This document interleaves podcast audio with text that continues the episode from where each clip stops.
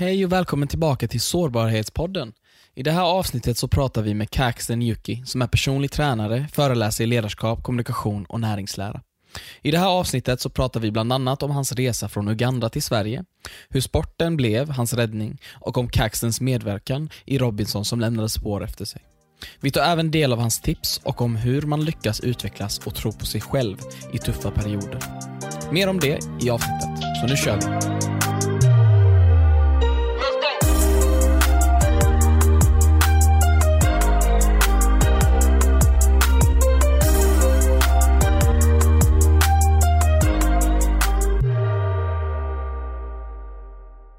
Så Kaxton, hur mår du idag? Alltså jag mår så bra. Tack så mycket Tarek för att du har tagit dig tiden och tagit dig hela vägen upp till Nyköping. Nej men det är ju tack vare dig. Det började med ett samtal och helt plötsligt så hade jag sex gäster tack vare dig. Det är helt fantastiskt. Ja ah, men du, du, du namedroppade en tung kille där för mig som heter Bo Gunnarsson som jobbar på Visma SPCS och han har hjälpt mig sjukt mycket. Så att när du sa att eh, han har rekommenderat dig, eh, då fick du VIP-treatment rakt av. men det är mycket det här du brinner för, att hjälpa andra. Men jag vill gärna gå igenom först, du brukar ju säga 'get caxtonized' Yes. Och det är precis det vi ska göra idag. Okay. We're about to get caxtonized. Härligt. Men var kommer det ifrån? Finns det ens med i ordboken? Uh, jag tror inte det. Uh, det kommer från en kille som heter Thomas Anderberg som mm. uh, jobbade med min hemsida och han, han bodde i USA i många, många år och kände liksom så här, men du, du, du måste ha någonting med lite mer, hans ord, umf. Mm. och eh, då kom man fram till det, get caxtonized, liksom, det är rätt energi, eh, det är ett ord som verkligen eh, uttrycker liksom, känslan som, som många upplever när de träffar mig. Mm, och det kan jag verkligen hålla med om, du är en väldigt energifull människa. Tack. Och driven, jag menar jag fick ett samtal av dig i morse vid klockan 6.25 och jag, jag hade larmet på 6.30 Ah, okay. Men jag vaknade av i ett samtal och kände nej jag kan inte svara just nu, det är inte rätt läge. Nej, jag, måste, jag måste bara ta någon minut här och bara... måste bara, måste bara vänta till min ringsignal ah, ringer. Ah, ah, ah, ah Men som jag förstår det, du har en otroligt tung, tung berättelse eh, ända sedan du kom från Uganda när du var fem år. Just det. Skulle du vilja berätta lite mer om den, hur det var att komma till Sverige? Ja, men alltså att, att komma till Sverige, första intrycket var ju då, eh, jag visste inte att de hette punkare, men det var ju det all, allra första liksom. Att, människor eh, rakade på sidan av huvudet, kedjor och det vet, eh, ja men det var lite, ja men så som punkar ibland kan vara, jag säger drar inte alla över en kam, men, men det var en, en, en, speciell kväll som jag kommer ihåg och det lät och det var liksom stå hej och så vidare, så att jag liksom fem år var ju livrädd och undrade liksom vart har vi kommit någonstans? Eh, men eh, det Hur gick det till liksom när du kom till, till Sverige? Eh, ja men alltså vi kom ju först till Arlanda, vi kom med flyg Eh, och sen eh, var vi i Stockholm eh, på ett hotell, kommer inte ihåg exakt vilket hotell sådär, men, men innan vi vart placerade liksom, eh, till ett flyktingförläggning eh, i Hallstahammar och sen så därifrån så uh, vart vi placerade i Oxelösund liksom, mm. eh, permanent. Att, och du var hur gammal då? Ja, jag var ju fem. Det var ju ganska mm. snabbt, så det var ju inom ett år så var vi liksom i Oxelösund och det är det som jag har varit ända sedan eh, dess. Liksom. Mm. Och hur mycket kommer du ihåg just av, för som jag förstår det, det var en flykt från Uganda? Ja, men ja, det kommer jag inte ihåg så jätte, jättemycket eh, gör jag faktiskt, för jag var så liten. Just eh, så jag var ju fem år, så jag kommer inte ihåg så, nej, inte så värst mm. mycket därifrån. Jag kommer ihåg, liksom, jag gick i i en slags förskola liksom i, i Kenya var det. För vi flydde direkt ifrån att jag var två, två månader bara, flydde vi till Kenya. Och så bodde jag i Kenya tills jag var fem och så från Kenya till Sverige. Så det var mycket fly flyttande då under den processen? Ja, det var det. Det var, mm. det, det, var det. Så att eh, min pappa var politiskt aktiv och, och det gjorde att eh, ah, det var farligt helt enkelt. Mm. Hur kommer det sig att ni flydde från Uganda? Var det på grund av din eh, pappas... Eh... Ja, det var en diktatur eh, mm. vid, vid den tiden, så att eh, det var ju liksom ja, men väldigt oroligt och sådär. Så att, och det var inte säkert helt mm. enkelt mm. Mm. för, för min familj. För det var bara att lägga benen på ryggen. Ja. Och komma till Sverige alltså. Och hur var det på flyktingförläggningen som ni kom till? Hur kändes det att vara där? Jag hörde någonstans att du läs, lärde dig spanska innan svenska. Wow, wow, du har gjort din läxa eh, Tarek, det är jättebra. För det var ju så här att när jag var sju år, då pratade jag flytande spanska, eller chilenska beroende på hur vi ska eh, säga. De i Spanien säger nej men de pratar inte riktigt, eh, men eh, så så är det, det var slutet på 80-talet, jag kom ju hit 87, Mm. Så det här är slutet på 80-talet, början 90-talet var väldigt många chilenare eh, på grund av Pinochet, också en annan diktatur. Eh, så att jag, och det var ju fler chilenska barn, eh, ungdomar, än vad det var från Uganda. Så att jag fick ju då lära mig deras språk. Och idag är jag otroligt glad och tacksam över det, för att som sagt, jag pratar fem olika språk idag. Men eh, det, var, det var superkul. Det var en rolig tid måste jag säga. Eh, Kommer ihåg när jag gick i skolan så var det så här, ja men svenskarna mot chilenarna, så här, fotboll bara på skoj liksom. Ja. Så här. Men, men då var jag ju alltid med, med chilenarna liksom. så att, eh, ja, det var jättekul. Och, och mina närmaste vänner är ju, barndomsvänner är ju från Chile. Mm. Men det är någonting med gemenskapen när man har ett och samma språk till någon annan. Absolut, absolut. Man känner sig nästan samhörighet. Ja, ja. Nej, men idag vart jag än i världen och fått möjligheten att få resa mycket inom idrotten.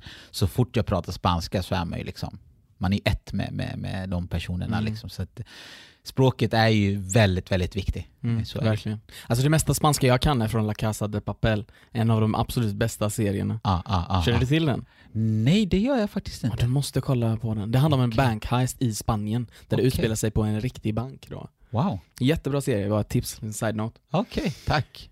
Eh, men om vi då kollar på din barndom, hur var du som barn? För du är ju som sagt väldigt energirik just mm, nu. Mm. Som människa, alltså som det intrycket jag får. Var du lika energirik när du var så ung? Eh, oj, eh, det tror jag att jag var faktiskt. Det är bara mer att det är, det är en annan arena. Mm. Så att energin finns ju kvar, men, men det är andra arenor som den utspelar sig idag eh, jämfört med eh, då, när jag var, var yngre. Men, men eh, det skulle jag nog säga. Mm. Alltså, jag spelade fotboll, eh, jag var lagkapten i, i fotbollslaget. Har alltid varit liksom så här, ja men det händer ganska mycket runt omkring mig. Eh, hitta på lekar, ja men ja, fast på ändå på ett schysst sätt liksom. Jag var den här kanske informella ledaren. Det är ingen som sa så här, men det är Kaxton som leder oss. Men, men folk lyssnade på något sätt. När du jag, tog initiativ? Ja, men exakt. Ja. När, när, när jag sa olika saker. En rolig grej var ju till exempel i skolan. Om läraren hade svårt att få tyst på klassrummet, då visste ju läraren, så om jag säger till Kaxton och, och han säger till, liksom, ja. då, då kommer det bli lugnt. Liksom. Hade du respekt då i klassrummet? Ja, på något sätt. För jag var ju så, jag var liksom kompis med de flesta, tjenis med dem. Och då, man vill ju inte vara liksom otrevlig mot sin kompis liksom, när den säger så här, men vi, vi kanske ska lugna ner oss. Liksom. People's person liksom? Lite så. Ja, ja. Men had, kände du att det hade några förväntningar på dig under din skolgång? Uh, Ja, nej, alltså, nej, men det är en väldigt bra fråga för att det är så här att det var, jag, tidigt bestämde jag mig för att jag skulle bli liksom nästa Pelé, eh, fotbollsproffs, Zlatan fanns inte riktigt då. Eh, men sen så började jag spela tennis, så då skulle jag bli Björn Borg, så att jag skulle bli båda de här två sakerna. Och det var någonstans okej. Okay. Eh, och jag hade lärarna med mig som stöttade mig i mitt idrottande. Eh, och det var en fantastisk känsla för att eh, sen när det kom in betyg och alla de här bitarna så var det mer så här att ja, men vi vet att du satsar på din idrott så det är bra liksom att du ser till att du klarar av betygen, mm. liksom, att du har godkänt. Så. Medan för mina kompisar var det så här, nej nej, du, du kan nog plugga lite mer. Inte för att de hade sämre betyg än vad jag hade, men kanske hade mer tid att lägga på skolan. Så att hade väldigt, väldigt förstående lärare där de sa nej men det, det är klart, du ska, du ska bli tennisproffs och du ska bli jätteduktig i fotboll. Vi förstår att du inte har all tid att lägga på, på studierna, men, mm. men se till att du har godkänt. Liksom. Mm. Eh, så att, nej, jag är otroligt glad och tacksam för att eh, de stöttar mig på det sättet. För det hade varit en enorm press många gånger som jag upplever idag. Att ungdomarna tror att de ska liksom ha toppbetyg plus att de ska träna två pass om dagen och de ska äta rätt och de ska hit och dit och sen så ska de vara på sociala medier och så ska de också vara en bästa kompis. Alltså det, det går ju inte. Mm. Och apropå din skolgång när vi ändå är inne på det. Jag tänker på det här, jag läste någonstans att du kuggade matte i nian. Eh, det stämmer, men, men vi kan backa tillbaka till tvåan i grundskolan. Okay. Där jag faktiskt fick gå om tvåan i grundskolan på grund av att jag inte var så himla bra på svenska. Eh, jag var ju kanske inte sämre än många andra sådär, men, men lärarna tyckte då att ja, men han kan, ju, han kan ju vara bättre på svenska. Men jag la ju väldigt mycket av min tid att ja, men, prata spanska helt enkelt. Precis. Eh, så att mina föräldrar har då en akademisk bakgrund och, och då bestämde de sig att Nej, men okej, vi måste verkligen hjälpa Kaxo med, med svenskan. Så vi flyttade till ett svenskt område, så vi flyttade ifrån eh, eh, själva flyktingförläggningen och området där. Så att eh, det var jag och en kille från Estland som var då de invandrarna. Så att killen från Estland Ja. kunde inte märka på skolgården vem, vem det var liksom. Men mig märkte det liksom direkt. Eh, så att jag kom in då i ett eh, fotbollslag och började umgås med, med, med svenskar och på så sätt så, så Mm. fick jag upp den delen också. Sen träffade jag ju mina barndomsvänner liksom på, på fritiden och det blev ju till slut att på högstadiet så träffades vi allihopa för det finns ett högstadium i, i, i Mm. Oxelösund. Så att, eh, ja. Kände du någonsin något sorts utanförskap på grund av att eh, till exempel du kommer från Uganda, eh, du håller på mycket med idrotten, det är svårt kanske lite i skolan under den tiden. Mm. Kände du någon form av utanförskap under den tiden? Eh, idrotten har ju alltid varit, eh, ska man säga, en räddning eller varit liksom en stor hjälp till att undvika att känna mig utanför. Men, men jag kan ju absolut eh, relatera till den känslan när jag är utanför idrotts... Liksom, när jag inte är i den miljön eller så vidare. Då, då var det ju tydligt liksom att ja, man kanske inte riktigt var ja, men som, som alla andra. Eh, Mm. Svårare att komma in liksom, i samhället. Men så fort liksom, man pratar idrott och de här bitarna, då, då finns det liksom ingen hudfärg, det finns ingen religion, det finns liksom inget sånt. Det är mer så här, ja, men du är duktig på, på, på det du gör och Mm. du är accepterad eh, för det. Men eh, mm. Man får en respekt av andra för att man var duktig på idrotten och det Ja, man men var precis. för. Ja men exakt. Mm. Det, det, idrotten är helt fantastisk på det sättet och, och vi måste värna om, om det faktiskt. Det är som ett universellt språk, alla förstår ju att kunna röra på sig eller att kunna spela fotboll, tennis, oavsett vad det är. Yes, Alla yes. förstår sig på det, oavsett vilket land du är Ja. så finns ju fotbollen med. Ja men exakt och eh, tennisen var ju den som hjälpte min pappa integrera sig in i svenska samhället för att han spelade tennis redan i Uganda. Mm. Så att när, när vi flydde till Sverige så eh, tog han kontakt med, med tennisklubben där och eh, eh, började ju som timanställd. Idag, ja, eh, 20 år senare, så är han chefstränare och det är han som liksom är, är, är huvudtränaren i, i klubben. Liksom. Mm. Men jag förstår att du hade väldigt eh, stora karriärsdrömmar just om tennis. Kan du berätta lite mer om det?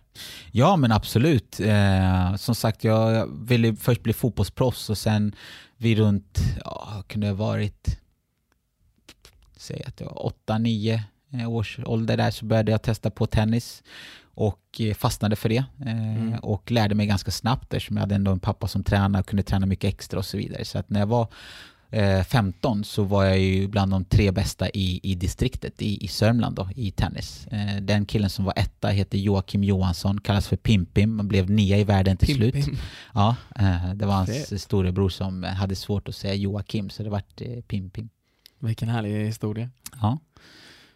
Men eh, jag som, som jag förstår det, du coachar idag i tennis. Yes. Men hur kommer det sig att du inte fortsatte med din, själv, alltså din egna personliga tenniskarriär? Ja, jättebra fråga. Eh, som sagt, 15 års ålder så bestämmer jag mig för att satsa helhjärtat på tennisen och släppa fotbollen. Mm.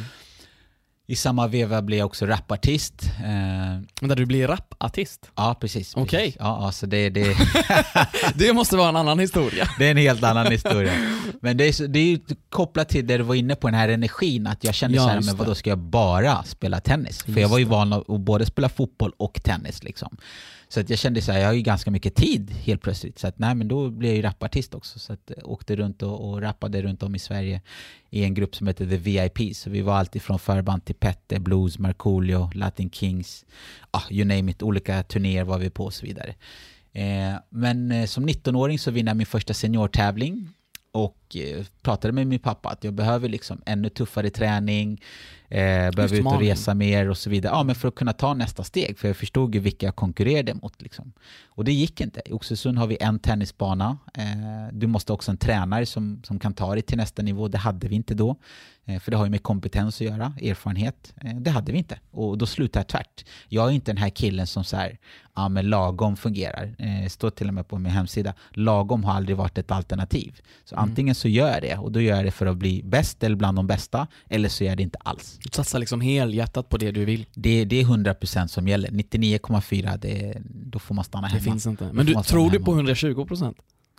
Ja, men, alltså 120% det är väl kanske Alltså det är mer kanske att man vill verkligen tala om att, att man gör det lilla extra. Exakt. Eh, och det är alltid bra. Det, det ska du göra liksom. Mm, mm. Inom din tenniskarriär, när du spelade som mest, kände du någonsin att du kunde ha en prestationsångest? Eh, Till exempel när du satsade helhjärtat, ja. var det någon gång då du inte riktigt nådde hela vägen fram? ja men det är flera gånger, alltså tennis är en idrott där, säg att det är 32 som startar i en tävling. Det är bara en som kommer att vinna. Alla andra kommer på ett eller annat sätt vara förlorare. Om det är Mm. första matchen eller sista matchen, alltså i finalen, som du förlorar. Så, att, så att du måste lära dig att handskas med förlusten. Och det har ju mycket med ens tankar och hur man väljer att se på situationer, se på sig själv och sin egen prestation. Jag brukar prata mycket, grann, eller prata mycket om att eh, du spelar två matcher. Du spelar en fysisk match och du spelar en psykisk match. Så du kanske förlorar den fysiska matchen, eh, men den, den psykiska eh, så kanske du vinner.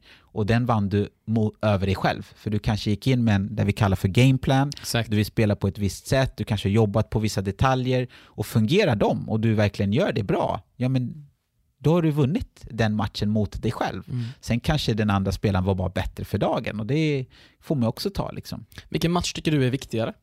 Jag tycker den viktigaste matchen är den mot dig själv, för det handlar hela tiden om att du ska bli lite bättre än vad du var igår. Mm. Mm. Och när det kommer till det här med prestationsångest så är det ju väldigt vanligt att man kan känna psykisk ohälsa när man vill prestera så mycket Absolut. men inte riktigt nå fram. Mm. Jag menar, när jag satsade som mest, då, när jag spelade pingis då, Ja. eh, tennis är en helt annan grej. Jag kan inte tennis, Nej, det är nej, helt eller- omöjligt. ja. Men när jag satsade på pingis Ja. så kunde jag bli så himla frustrerad när jag inte riktigt kunde nå upp till första pallen. Utan jag kom alltid tvåa på matcherna. Och när man har slitit du vet, och kämpat så mycket och tränat alla de träningarna men inte riktigt når fram. Ja. Den känslan, det blir som en klump i magen. Absolut. Har du, kan du komma på något tillfälle då du kände så? Eh, absolut. Eh, det kanske inte då kopplat direkt emot eh, idrottsbiten, alltså Mm. på tennisplan. Så det här kommer bli lite roligt. Ja. Eh, jag var med i Robinson. Just det. Ja, precis. Eh, och där hade jag ju en tydlig målbild att jag skulle ta mig minst till sammanslagningen.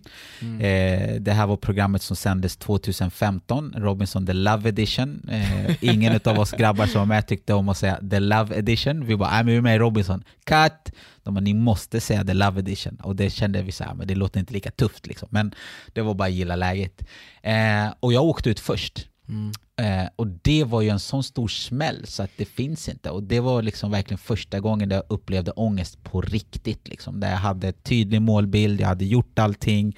Jag hade liksom till exempel förberett mig med att inte äta eh, från morgon fram till lunch bara för att liksom lära mig hur kommer min kropp reagera när jag är hungrig. Kommer jag kunna orka vara fokuserad? Är jag lättretlig? Ja, men jag måste lära känna mig själv för jag kommer utsättas för väldigt eh, tuffa påfrestningar i Kambodja där det skulle spelas in. Mm.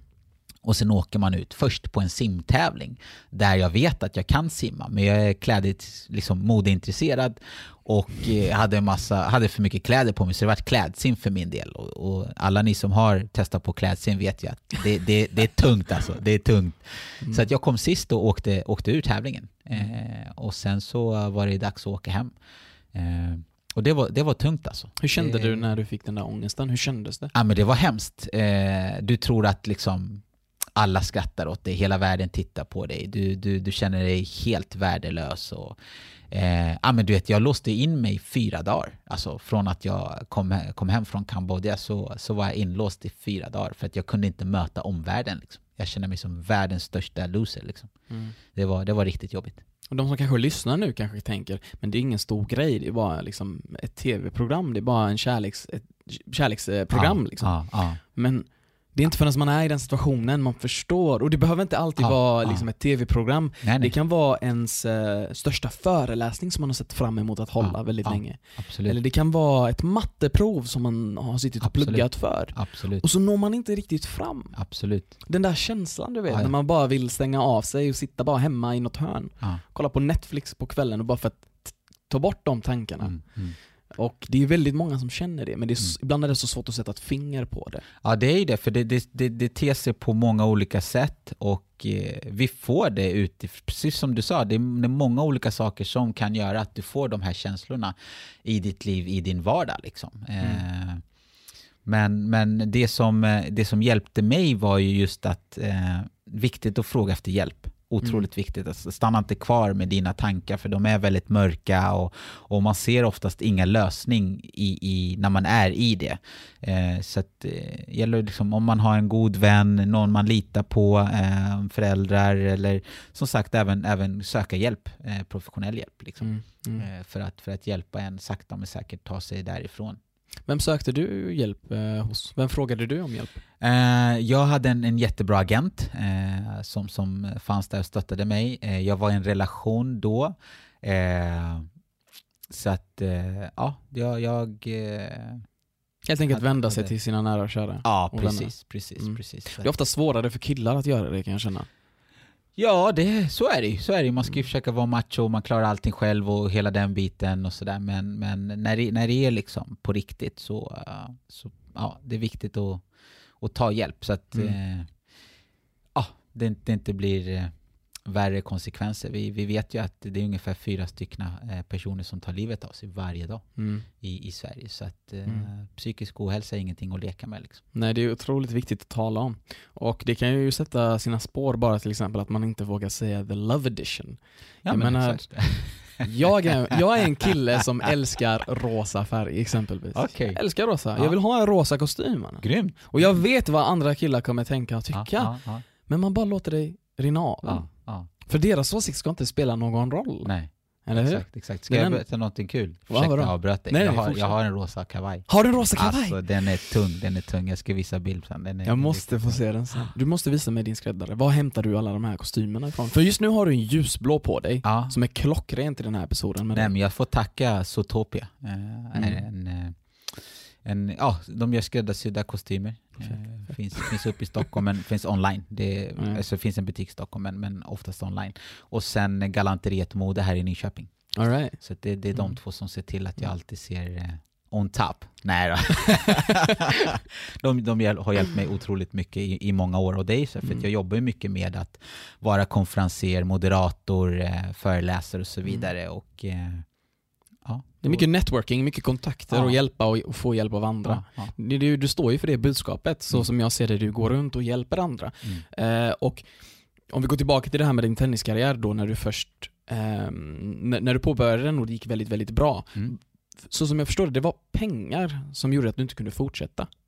Var det en ekonomisk eh, situation? Uh, ja, alltså tennis kostar ju sjukt mycket. När du kommer upp till liksom en internationell nivå och du ska liksom ut och resa, då pratar vi alltså upp mot miljonen eh, plus minus då, varje år. Och då, då är du själv. Sen ska du lägga till en tränare på det, då blir det ännu mer. Liksom. Eh, men det, det, det, är en väldigt dyr sport, så att eh, pengarna, den ekonomiska delen kommer vara avgörande helt och hållet. Men, men miljön också är ju otroligt viktig. Nu, eh, som sagt, bor jag i Oxelösund, det finns en bana. Det betyder att det finns ju inte så många att spela med som håller den nivån. Och vart ska du då kunna få sparring? Mm. Eh, så det är också någonting, när man kommer upp till den nivån så, så finns det inte så många ställen i Sverige överhuvudtaget som, mm. där det är andra som, som har samma ambitioner. Eh, så det, det, det, det, blir tufft. Så det var både en brist på att det inte fanns möjlighet att fortsätta spela mer så som ja. du ville. Ja. Den här, du hade ju den här sikten mot att du ville bli bäst. Absolut. Och kände du att Oxelösund var en begränsning för det? Jo men det, det blir ju så. Det mm. blir så. Och det spelar ingen även om jag hade alltså här, den här staden Nyköping liksom. Så, att, så det kanske är Stockholm och Göteborg, Malmö som har liksom de möjligheterna utifrån vi, eh, antal spelare så att du kan få folk att träna med liksom. Mm. Så det, det, det är tufft. Det, det är jättetufft. Jätte mm. Eh. Jag läste någonstans att du vill ju sikta mot utomlands också att spela. Mm. Och det är just det här att det kostar så himla mycket. Ja. Um, jag kan ju bara dra exempel från mitt liv. Mm. När jag bodde exempelvis i Blekinge eh, första gången när vi flyttade dit, och då fick jag världens bästa vänner och mm. kände verkligen en samhörighet, en mm. tillhörighet. Men när vi blev tvungna att flytta tillbaka till staden jag bodde i för sex månader eh, sedan, Växjö då, så kände jag lite av ett agg mot mina föräldrar på grund av Okej. att de tog mig från den miljön. Att de inte kunde möjliggöra min uppväxt där istället. För jag levde i utanförskap och mobbing i den staden som vi flyttade till. Ja. Det är väldigt vanligt att man håller det mot sina föräldrar. Ja. Hur kände du när du kände att nej nu kan inte jag faktiskt fortsätta med min tenniskarriär? Höll det det mot dina föräldrar eller påverkade det din relation på något sätt? Eh, mm, nej, jag höll ingenting mot mina föräldrar för jag förstod att de, de, de kan inte göra någonting. Liksom. Mm. Det finns ingenting de kan, de kan göra. Eh, det är bara så här det ser ut. Eh, och det var ju två alternativ. Antingen flytta, och jag hade ju inte liksom, den ekonomiska biten att kunna flytta och alla de här bitarna. Liksom. Så Mm. det var ju bara att gilla läget, det är så. Mm. Eh, det, det, det är tufft. Men eh, ja. Det, det, det är snabbt eh, så hittade jag ett annat sätt och då bestämde jag mig för att bli, jag ska bli professionell tennistränare och kunna livnära mig på det. För då är inte jag beroende av någon tränare, jag är inte beroende av någon sparringpartner. Allting hänger på mig själv, ta in kunskapen och göra någonting med det. Liksom. Mm. Precis. Så du höll dig fortfarande inom samma sport men gjorde det på ett annat sätt? Ja, men enkelt. just precis. Och samma sport, för det är där jag, jag brann för det och, och sen ta makten till sig själv. Mm. För att som spelare så var ju liksom makten utanför mig i form av att jag behöver en coach, jag behöver miljön, jag behöver de här olika sakerna, jag behöver pengarna. Men när jag blev coach, ja men det är utbildning, ja absolut, och Mm. utbildningen finns eh, och klubbar sponsrar liksom mer än gärna och så vidare, det finns bidrag till att få. Så det var liksom mer att nu, nu satt jag liksom i förarsätet, det var jag Exakt. som kunde bestämma över mitt eget liv och, och eh, eh, mål helt enkelt. Det kändes som att du var beroende av andra tidigare kanske? Ja, men det är du. Det är du. Mm. Så är det. Du kan vara hur bra som helst. Men då har inte du en tränare som kan hjälpa dig till nästa nivå? Spelar ingen roll. Har, Mm. Är du i, i fel miljö som du inte kan ta, spelar ingen roll. Du kan vara hur bra som helst, spelar ingen roll. Men dessa barnen som inte exempelvis har eh, råd att eh, betala för terminsavgifterna eller, eller alla de avgifter som finns för att träna liksom. Ja, ja. Vad tycker du om det? Hur ska man göra för de barnen? Vad jag tycker om det, det är klart det är jättetråkigt, det är hemskt, men, men det är så verkligheten ser ut. Mm. Liksom. Eh, pratar vi i Ryssland, eh, vissa vänner, så här, det kostar upp mot tusen spänn om dagen att kunna liksom genomföra en satsning på, på internationell nivå. Om dagen! Mm. Alltså det är ju liksom, spelar vi fotboll så tusen kronor, det är terminsavgiften för en hel termin och då tränar du tre, fyra gånger i veckan kanske. Så att liksom, det är olika. Eh, är du i andra länder, eh, Spanien och andra st- ställen, liksom, då kanske det är akademier. Frankrike är också akademier. Och då, då pratar vi liksom flera hundratusen om året bara för att få träna. Men då liksom har du riktigt, riktigt bra träning och så vidare. Mm. Så det, det är orättvist på sätt och vis, men det är så det ser ut. Liksom. Mm. Så alltså du gick ifrån att spela tennis professionellt till att nu börja coacha människor. Vad, hur skedde den här utvecklingen? Ja, men det var ju mer att jag kom till insikt att jag kommer tyvärr inte bli nästa Björn Borg. Eh, Mm. För jag har inte rätt miljö eh, att, att kunna fortsätta utvecklas i. Jag har inte de ekonomiska muskler som, att, som det kommer krävas. Så det var ju liksom en, en eh, ja, det var bara liksom att inse att den här vägen, jag kommer inte bli bäst här. Eh, Men vart kan jag då bli bäst? Ja, men som, som tennistränare, jag har ju mest, med mig jättemycket erfarenhet från att själv spelat. Jag hjälpte till som lite som eh, hjälptränare eh, i, i klubben där i Oxelösund. Eh, hade de här ledaregenskaperna eftersom jag var lagkapten i fotboll och så vidare. Eh, jag hade fem års erfarenhet att kunna stå på scen, förmedla ett budskap, skapa en känsla. Du föreläser Eh, också som sagt. Ja, men jag Mm. tänker på när, när jag tog den här vändningen mot att jag skulle Just eh, bli det. Att, jag tittade liksom, vad är jag bra på? Varför Mm. ska just jag lyckas som en duktig ledare? Så var det många parametrar som, som jag kom fram till att ja, men jag, jag har ju väldigt mycket med mig som kommer kunna göra liksom, att jag blir en duktig ledare. För att, så som jag ser det, att, att vara en duktig ledare handlar mycket om att inspirera Mm.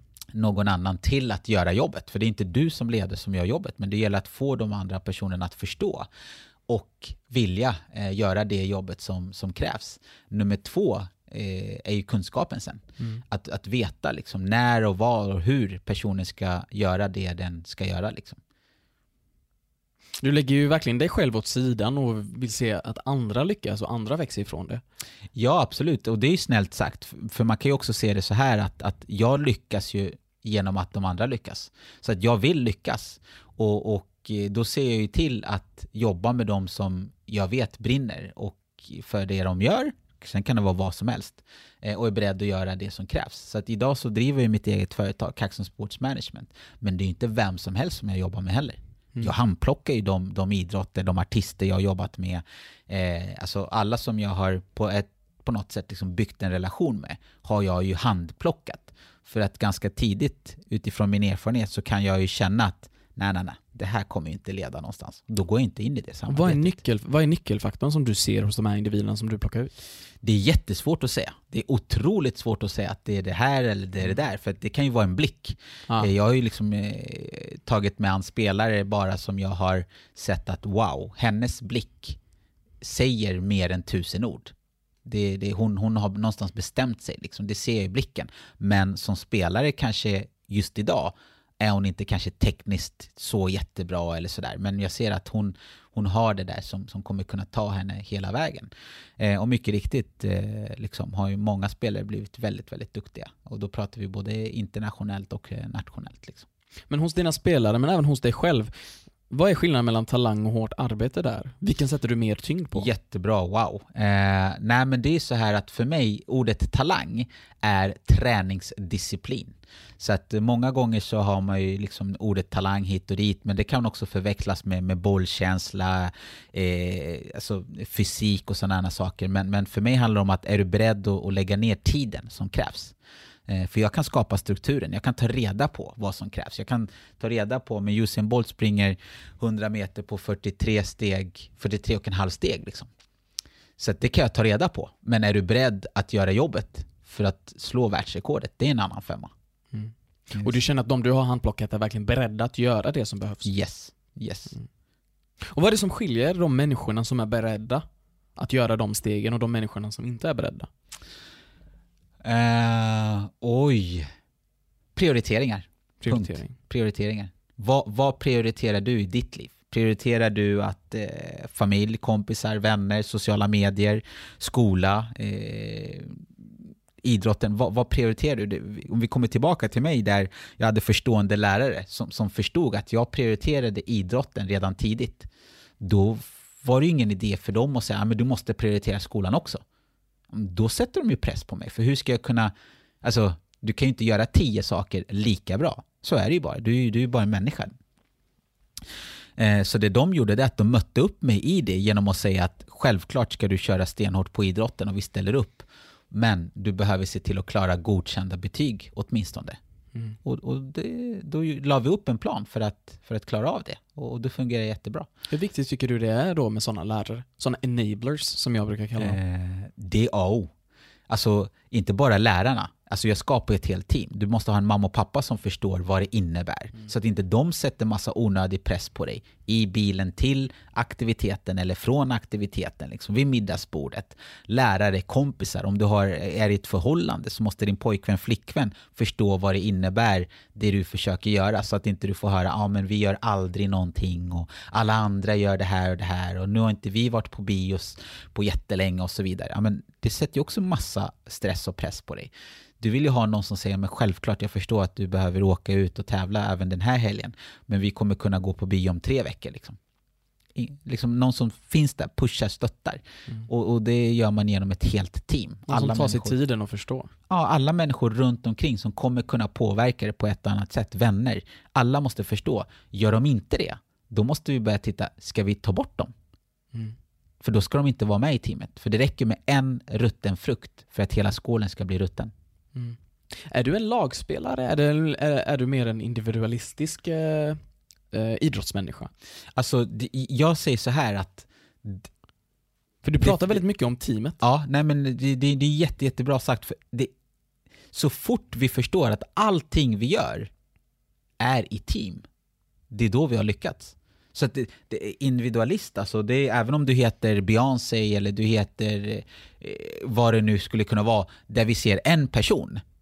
Ja, den personen har ju garanterat människor runt omkring sig. Mm. Så, så du är aldrig helt själv. Du klarar inte dig helt, helt själv. Det är bara så. Alltså, du har sponsorer, då har du människor runt omkring dig. Hur många är det som har så mycket pengar så att de kan köra hela satsningen helt själv? Ja, men okej. Fast du har kanske en tränare Alltså vart ska du få kunskapen ifrån? Så du är aldrig själv, så du är alltid i team. Det finns alltid ett lag bakom som man inte alltid ser. Alltid. Mm. I, i allting. Mm. Så att, eh, och det, det, det konstiga, jag brukar säga i mina föreläsningar, det konstiga är att när vi kliver, så fort vi kliver ut genom dörren, då glömmer vi det. Men när vi är i familjesituationen, då förstår vi att vi måste hjälpas åt om det handlar om städning, laga mat eller vad det är för någonting. Ekonomiskt. eller- Ekonomiskt. Ja, men alltså det, det är så tydligt att vi behöver hjälpas åt i familjen för att få det här att fungera. Liksom.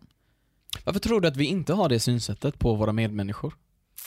Varför är det lättare att ha det hos familjen men inte på människor vi träffar i vardagliga livet? På skolan, på arbetsplatsen? Det är en jättebra fråga. Det är en jätte, jättebra fråga, för det är, det, är, det är jättekonstigt just när vi kliver ut genom den dörren och helt plötsligt får vi för oss att allting är liksom, eh, fokuserar, kretsar kring en själv och att man inte tar med sig det här in i arbetslivet och in i alla olika rum och situationer man kommer i, att jag behöver eh, samspela med människorna här. Liksom. Och lite som, som Pia Sundhage säger, liksom, spela på bästa fot, som hennes bok heter, att Mm. hur gör jag min omgivning bättre? Det är, ju- det, alltså om vi tänker på det här med corona som, och covid-19 som pågår just nu. Just det. Det separerar ju människor mer än vad det egentligen ska göra. Ja, nej men så är det ju och, jag tror att... Eh, Det finns en rädsla, det förstår jag. ja, Men vi får inte glömma att vi har våra medmänniskor istället för att avvisa, istället för att knuffa ifrån dem i en sån här situation så behöver vi eh, istället hjälpas åt. eh, absolut, och jag tror att det kommer ju, alltså när, när det landar, eh, liksom alla är väldigt oroliga nu och så Mm. vidare, men, men när, när det landar så kommer det vara nästa steg för många och, och börja inse liksom det här att men vi behöver faktiskt varandra för att få det här att gå runt. Liksom. Eh, så att, eh, ja, jag, jag, Mm. tror- för det, det, är helt, det är helt omöjligt att, att inte göra det. Vi, vi, vi, vi måste göra det, annars Mm. kommer vi inte klara av det. Precis.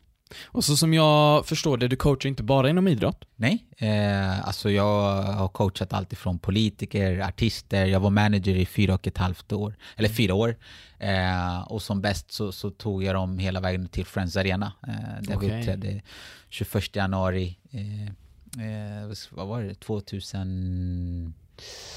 Tiden går så jädra fort alltså. Visst gör Var det 2016 alltså? Herregud, så kommer jag inte ens ihåg själv. Ja, men, till, till Friends Arena. Men, men eh, så att det är allt ifrån artister, politiker till vanliga människor, eh, till elever eh, som bara vill studiemotivation. Så att, Mm. ja. Så innan vi går in på elevfrågan, så är jag Yes. bara lite nyfiken. Vilka individer, vilka Ja. människor är mest givande för dig att coacha? Oj, eh, passionerade människor som brinner för det de gör eller vill göra skillnad. För det har ingenting med, jag kallar det för arenor, det har ingenting med vilken arena, om det är en idrottsperson eller det är en politiker eller det är en eh, eh, mamma som jag coachar som vill eh, ah, få ihop sin helhet och sin vardag eh, eller en elev liksom, som, som behöver hjälp med sina studier, liksom, som pluggar på universitet och känner att motivationen tryter lite grann och så vidare. Så att det, det är mer bara att personen i fråga vill eh, göra någon slags förändring eller förbättring eller liksom vill utvecklas på något sätt. Då är jag all in. Och när du coachar elever, hur, hur kan man hjälpa, typ om man sitter och lyssnar hemma nu, hur Ja. kan man hjälpa elever eller ungdomar eller människor generellt sett Mm. som har prestationsångest eller psykisk ohälsa? Vad tror du man kan göra? Eh, ja, men jag, jag tror först och främst så handlar det mycket om att eh, alltså, vi, vi gör saker ibland lite större än vad de är. Ja, men titta nu på ja, men, det- den, den krisen eller paniken som, som vi är i, liksom toapappret tar slut. Ja, men kom igen nu. liksom, vi, vi, vi, vi, I stunden så kanske inte vi reagerar liksom helt rationellt och, och sådär. Så det, det handlar mer om att Eh, och det det är där vi behöver hjälp. Det, det är det som är så svårt, att, att när man är inne i det så ser man ju inte det själv. Vi kan ju stå och skratta nu liksom till de som köper x antal toarullar och liksom så här. Men, men de, för dem är det på riktigt liksom. Och, och, Världens undergång nästan. ja men exakt, så att, så att man behöver kanske ett perspektiv utifrån för att hjälpa. Eh, än att det, det, det kommer ordna sig ändå liksom. Det är lugnt. Mm. Det är väldigt många ungdomar idag som mår väldigt dåligt även fast de har det väldigt, väldigt bra. Mm, mm. Vad tror du det är de saknar? perspektiv.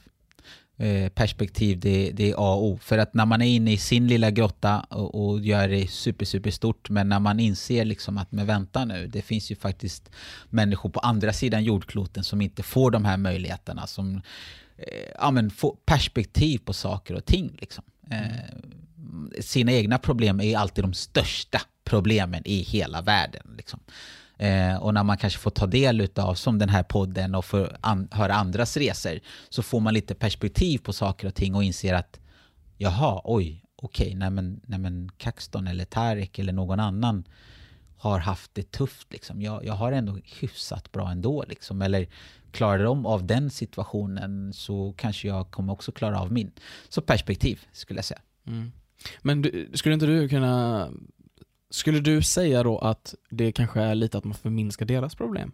Nej men absolut inte. Eh, deras problem är, är, så stora som, som de gör det till att vara. Men återigen, när man får då ta del av andras mm. problem eller livssituationer och så vidare så kanske man eh, ser att ja men herregud, det är klart jag kommer klara av det här. Eh, har den människan klarat av ja, vad det nu är för någonting. Så jag har ju en kompis som har eh, klarat av, liksom överlevt två cancer och upplever att han lever sitt tredje liv. Mm. Så det är klart, när jag, när jag tycker så här, men shit, det, det här är tufft eh, och tänker på honom, han hade 3% chans att överleva liksom, blodcancer liksom, och, och, och gör det. Jäklar, när var det här då, jag får fråga?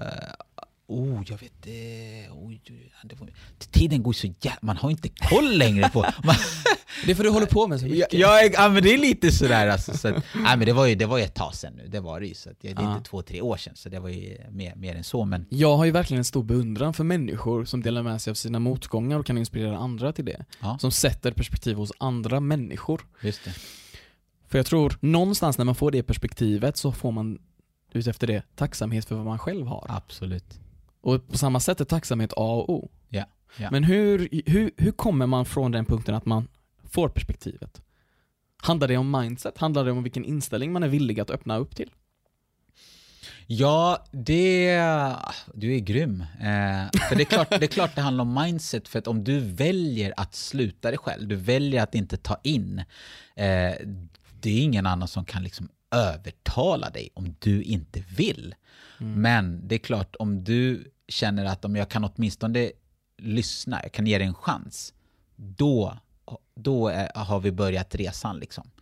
Eh, så det, det, är helt, helt riktigt. Och det kan ju vara allt ifrån att men, använd tekniken idag. Gå in och lyssna på till exempel på, på podden eller eh, YouTube. Liksom, det finns ju många historier där ute som kan få dig att få lite perspektiv och börja se saker och ting ur en annan synvinkel. Och som du säger, börja då odla den här tacksamheten. Jag har en bild som jag börjar alla mina föreläsningar med. Eh, eller väldigt tidigt så, så, kommer den här bilden, andra, tredje sliden. Eh, där jag spelar fotboll med eh, killar och tjejer i Uganda. Eh, vi spelar på det ser ju nästan ut som ett åker. Liksom. Vi skulle mm. aldrig släppa våra svenska barn på det, för det skulle vara så stor skaderisk. Och det finns en sten där och hit och dit och så vidare. Eh, vissa av de här barnen har eh, inga skor alls, de är barfota. Eh, vissa har en toffla till exempel. Vissa spelar bara i tofflor och, och, och någon har liksom någonting som liknar liksom fotbollsskor. Så det är väldigt så blandat och man ser verkligen eh, hur, hur olika eh, de kan ha det. Mm och jag är mitt i den här bilden och de här barnen är runt omkring mig och vi spelar fotboll. För mig har det varit jätteviktigt att ha den här bilden. Varför då? För den odlar en tacksamhet. Och tacksamheten är att jag får stå här och prata inför de här människorna som jag har framför mig och förmedla min kunskap och erfarenhet. Eh, och det, det, är ingenting jag tar för givet, det är någonting jag är otroligt glad och tacksam över. För att många av de här barnen som man då ser på den här bilden kommer aldrig få de möjligheter som jag har fått. Mm. Som coach, vad tror du är det svåraste att motivera någon till? Att göra det personen inte vill. Mm. Det är självklart, det är absolut svåraste. Att få någon person att göra någonting som den inte vill. Det är hur svårt som helst. Men hur vet du om de vill göra det eller inte? Exempelvis, många säger ju att ah, nu är det nyår. Ja. Till nästa år ska jag ta tag i mitt liv, jag ska göra det här, det här, det här och det här. Ja. Tror du det är tomma löften? Absolut inte. Jag tror att i stunden så, så finns ju viljan och, och intresset och så vidare. Men det är ju bara först när du åker på utmaningarna. Det regnar idag, ska du ändå gå ut och springa eller kommer mm. du välja att nej men jag, jag stannar inne, jag, jag tar det imorgon istället. Mm. Liksom så här. Är små, små ursäkter som till slut eh, blir liksom en vald sanning sen att nej men jag, jag springer inte när det regnar liksom. Eller Eh, ja, vad det nu kan vara liksom. Nej, jag är morgontrött så att, nej. massa ursäkter man kommer på. Ja, men visst är det så. Visst Ett det så. klockrent, eh, en klockren ursäkt till exempel för studenter som har det kämpigt med matematiken. Ja. Och du kanske har sagt den här ursäkten till dig själv någon gång. Okej. Att man inte är en mattemänniska. Att man Aha. vänder sig ifrån matematiken för att det är kämpigt just nu. Ja, Då kommer man på ursäkten, nej men jag föddes inte med en mattehjärna. Matte är inte riktigt min grej. Ja men, ja, men, så, ja, men det, det, det känner jag igen. Eller de, här, de tidiga orden så känner jag, men just det här, ja men matte är inte min grej. Eller? Det, det, det, det, det, det känner jag igen, absolut, absolut. Men finns det verkligen någonting som... Är man född med en mattehjärna? Är man född med en tennishjärna? Är man född som en idrottsmänniska? Eller är det här, all, är, alla, är alla dessa grejer någonting man kan träna upp? Allt kan du träna upp. Sen självklart vet vi att det finns ju vissa saker genetiskt som, som du har med dig, som du har lite lättare för och så vidare. Men det kommer fortfarande krävas sina timmar. Och det är där återigen talangen kommer. Det är att är du beredd att lägga ner den tiden som krävs, då kan du verkligen ta hjälp av genetiken, miljön och alla de här sakerna runt omkring som du har gratis. Liksom. Det, det är inte för inte att eh, många fotbollsspelare, inte alla, men, men många fotbollsspelare som blir väldigt duktiga har kanske någon i familjen eller någon som har spelat fotboll eller eh, vi ser det även inom hockey och så vidare. Alltså, det, det, återigen, du får vissa saker gratis men du måste lägga ner tiden. Och självklart, gratis kan ju vara då helt enkelt att du, du, du föds i, i en jättebra miljö där du har allting eh, väldigt nära till hands. Liksom. Det är lättare för dig att visualisera det i sådana fall. Till exempel när du tar upp det här exemplet med att vissa har ju föräldrar som kanske är fotbollsproffs, eller som har spelat fotboll. Ja. Eller vissa har föräldrar som är väldigt akademiska, har gått Exakt. universitet. Ja, ja. Då är det lättare för de individerna, de ungdomarna, att kunna visualisera sig själva i samma position, för de har nära till det. Självklart, absolut. Och samtidigt tänker jag när det kommer till den här motivationen, motivationen ökar ju därifrån. Ja. För att man ser upp till sin far, sin mor eller någon i sin närhet. Ja. Men jag tror också, skulle inte du säga att det finns en viktig punkt där att man måste också motivera sig själv? Eh, Men det är absolut, och jag tänker så här, motivera sig själv, helt rätt, men, men vi, vi kan göra det ännu enklare. Du måste tycka att det är kul, punkt. Mm. Vad det än är. Om det är dataspel eller springa eller så ty, tycker du att det är kul så kommer du vara beredd att lägga ner den tid som, som krävs. Liksom. Men tycker du inte det är kul, då kommer du inte lägga ner den tid som krävs. Och du kommer på en jädra massa ursäkter. Men skulle inte du säga att när du gör sånt som du tycker är jobbigt, som inte är riktigt kul att göra, att Mm. man blir bättre? Mm. Exempelvis, jag hatar, alltså jag absolut hatar att springa. Okej? Det är det värsta jag vet. Ja. Men jag gav mig ändå på en av de svåraste och tuffaste utmaningarna jag har haft i hela mitt liv. Okej. Att förra året genomföra en halv Ironman i Jönköping. Ja. På bara tre månaders varsel. Wow. Då var jag tvungen att lära mig springa, cykla och simma. Ja. Och jag hade aldrig sprungit mer än fem kilometer i hela mitt liv. Ja. När det kom till den tävlingen. Just det. Men ändå, jag var fast beslutsam att jag ska göra det jag hatar. Jag ska göra det som jag tycker är skitjobbigt. Mm. För att jag vill uppnå det målet. Just det. Jag vill korsa den mållinjen. Men, men ordet som jag, som jag liksom väntade på, det är att jag vill. Mm. Du sa jag vill. Precis. Ja, men då, då, då är du beredd också att göra det som krävs. Ja, Mm. men det som krävs det är att du måste lära dig cykla, springa, simma. Mm. Eh, men, men om du inte vill, ja, men då spelar det väl ingen roll. Du kan ju prata om det här målet hur mycket som helst, Mm. men du vill ju inte. Så, att, så att det, det, det är dit jag... jag ja, det, är där, det är det jag kommer lyssna på. Liksom. Mm. Det är att, vill du det här? Liksom? Eller säger du det här för att du har hört det någon annanstans eller du vill vara cool? Eller var, var, varför säger du det, det du säger? Eller vill du verkligen det här? Mm. Jag frågade dig igår eh, hur det kommer sig att du kan hålla på med så himla mycket. Hur orkar du? Mm. Och du hade ett väldigt intressant svar till mig tyckte jag. Jaha. du berätta det igen? Ja, vad var det för svar? Det, nu- Det måste, vara, på- det måste vara eh, leka. Jag, jag Precis, upplever att jag precis. leker hela tiden. Det, det är någonting faktiskt jag brukar fråga, liksom, eh, när jag är ute och föreläser, så brukar jag fråga så här, "Ah, men hur många upplever att de leker varje dag? Mm. Och, och jag säger det extra roligt när jag är liksom på tillställningar där det är mycket, mycket personer i slips och kostym och det ska vara liksom lite, lite allvarliga saker här. Va? Ja. Eh, men men i, i grund och botten, vi leker. Vi leker med varandra. Mm. Jag tror vi har kommit längre och längre ifrån det när vi har vuxit upp med åldrarna. Ja, ja, men absolut. Det, och jag har ju valt att se det som en lek. Sen kan leken vara liksom, det är ett styrelsemöte eller vad det är för någonting, eller vi, vi ska starta ett företag. Alltså, det, det, det, men jag, jag väljer att se det som, som ja, men vi ska bara leka tillsammans, vi ska umgås, vi ska ha jätteroligt tillsammans. Det skapar liksom en, en annan känsla i kroppen. Liksom. Eh, och det är det som jag tycker är jädrigt, jädrigt häftigt. För det betyder inte att det, liksom, att det inte ska vara allvar, är ordning och reda. Självklart ska det vara det. Mm. Men, men förstå vad härligt att känna så här, jag, jag, jag går till jobbet och leker.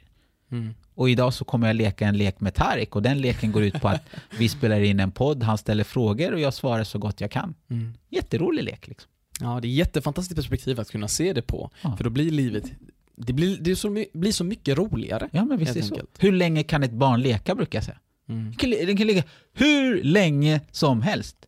Men så fort vi börjar liksom sätta restriktioner eller massa måsten och hit och dit och då, då blir det en annan sak. Mm. Då kanske inte vi orkar hur länge som helst. Mm. Varifrån kommer den här viljan att du vill inspirera och hjälpa andra? Eh, jag tror jag har alltid haft den. Alltså jag har nog... Ah, mammas modersmjölk, jag vet inte. Det, ja, men det, det, det, var, det har alltid funnits där att, att se glädjen i att någon annan lyckas. Mm. Jag kommer ihåg liksom tillbaka till när jag var väldigt ung, alltså eh, ja, men förskolan eller så här dagis. Eller så här. Då, då, alltså jag, jag, jag kunde lära andra att göra så här volter eller sparkar. Så här. Jag, jag, jag kunde alltid hjälpa andra, men jag vågade inte själv göra volten. För jag insåg ju skaderisken. Vadå, om jag, om jag gör bakåtvolt nu, liksom landar på nacken och grejer, det, det, jag menar, så här, det, det är kört, det är godnatt liksom. Det är bättre att de riskerar sitt liv. Ja, men jag, jag, exakt, jag kunde hjälpa dem. Att Ja. Så här behöver vi göra, du behöver krypa ihop liksom Ja. och så vidare. Så, Teoretiskt sett vet du hur det ska göras. ja, ja, ja. Det, det, var, det var eh, så häftigt liksom. Och olika så här, sparkar, round kick och hit och dit. Men jag har aldrig slagits i hela mitt liv. Mm. Men, men jag skulle tala om för andra så här, så här ska du göra, tänk så här och du behöver få med höften här och, och så vidare. Men är inte Men- det hyckleri? Men hyckleri, ja, men tänk dig själv som coach, måste du, dig. måste du, ja men absolut, måste du kunna göra allt? Ja. Måste du kunna göra allt? Eller du behöver kunna tillhandahålla rätt information. Så jag kan ju tänka så här, ja men okej, det här är vad du behöver göra. Perfekt, jag ringer min kompis Tarek, för han är bra på det. Han kommer hit, visar exakt hur du ska göra. Så jag har ju rätt kontakter till vad du behöver. Så jag måste inte kunna allting. Och det är ju också någon utav, ett av mina styrkor. Just det här teamtänket som du sa. Jag vet ju vem jag ska ringa för att få rätt hjälp i nästan vad som helst. För det, det finns ju, det är gjort en sån här studie, man brukar säga att du är sex steg ifrån vem som helst i Just hela världen. Så att då vet jag ju, ja, men vad du än vill eller vad åstadkomma, då kanske jag har ett första steg och den personen i sin tur kan hjälpa nästa, nästa och så vidare. Så, vidare, så, vidare. så att bring it on. Det handlar bara om att våga ta det första steget. Ja men exakt. exakt. Och, och jag är liksom den första som säger så här, "Ja, men det här kan jag inte, men jag ska ta reda på det. Mm. För jag känner säkert någon som känner någon som kan hjälpa dig. Det är så viktigt, för idag känner alla behovet av att hela tiden kunna allting. Mm. Att ha rätta svar, Mm. att vara korrekta. Mm. Istället bara säga nej men det här vet jag faktiskt inte. Exakt. Men vi kan lösa det tillsammans. Precis. Hur viktigt tror du, eller om jag ställer frågan så här. Mm. Skulle du säga att du lever som du lär? Wow. Jag, jag upplever att jag lever min dröm eh, och, och är otroligt glad för det livet jag har. Eh, lever jag som jag lär? Alltså ingen är perfekt så att det skulle ju vara så här larvigt för mig att säga så här, ja men det gör jag i, i punkt och pricka. Men Det gör jag säkert inte. Och det är säkert så, vissa saker som jag gör omedvetet. Eh, men medvetet så försöker jag göra det så mycket som möjligt. För jag brukar, jag brukar också säga så här, bara för att inte någon, nej bara för att inte du ser någon så betyder det inte att någon inte ser dig. Eh, så att eh, du kommer ju aldrig se mig gå med en eh, systemkasse liksom tvärs över gatan och sådär. För att jag, jag, alltså jag dricker ingen alkohol. Det, det, det, jag är inte intresserad av det. Och, eh, men, men för det betyder inte att inte andra får göra det, absolut. Men, men jag tänker till en extra gång att om, om jag säger så här, då kan jag inte heller bete mig på det här sättet, för det går ju emot det jag säger eller det jag står för, eller värderingar och sådana här saker. Så att jag är absolut inte perfekt, men jag, jag kanske tänker till en extra gång mer än andra. Skulle du säga att du har sidor du inte visar utåt? Eh, vad, vad, menar du med det? För att jag är ju en person när jag står på scenen till exempel, eh, när jag coachar och så vidare. Sen är jag kanske en, en annan eh, person när jag är hemma med familjen och bara tar det lugnt. Och, ja, men du vet, så att, jag, jag, jag, är ju mig själv hela tiden. Det är bara att... Olika varianter av Exakt, man går in i olika roller liksom. Och det är eh, olika ledarskap som krävs i, i olika situationer. Har du någonsin känt att du själv dock har behövt coaching i något specifikt område? För du är ju coach, du hjälper ja, många andra. Ja. Men vilka områden känner du själv att Fan, det här skulle jag vilja bli bättre på. All, alla. Jag har coach, jag har coach i, i alla olika situationer. Om det handlar om sälj, det handlar om marknadsföring. Eh, det är bara att vi, vi tänker inte att vi har coacher. Vi kanske säger med så här, men jag har en kompis som är väldigt bra ja. på det här. Jag har en kompis som jobbar med det här. Liksom. Medan jag ser det mer som att, ja men den personen kan ju vara min coach, alltså kan lära mig hur jag ska göra. Det, det är det. Det handlar ju om att liksom ställa bra frågor, du kommer få frågorna tillbaka för att många svar finns inom dig. Och svaret kan ju vara så här, ja men perfekt, du behöver läsa den boken. Du behöver gå in på den sidan.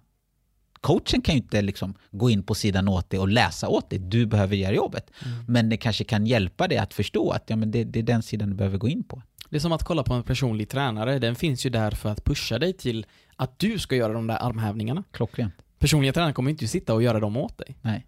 Mm. Eh, men Kaxten, du står ju väldigt mycket för det här med att hylla andra människor. Det ser yes. man ju i din, i din serie på Instagram. Ja, precis. Varje eh, söndag så eh, lyfter jag upp någon i mitt nätverk. Varför är det viktigt för dig att hylla andra?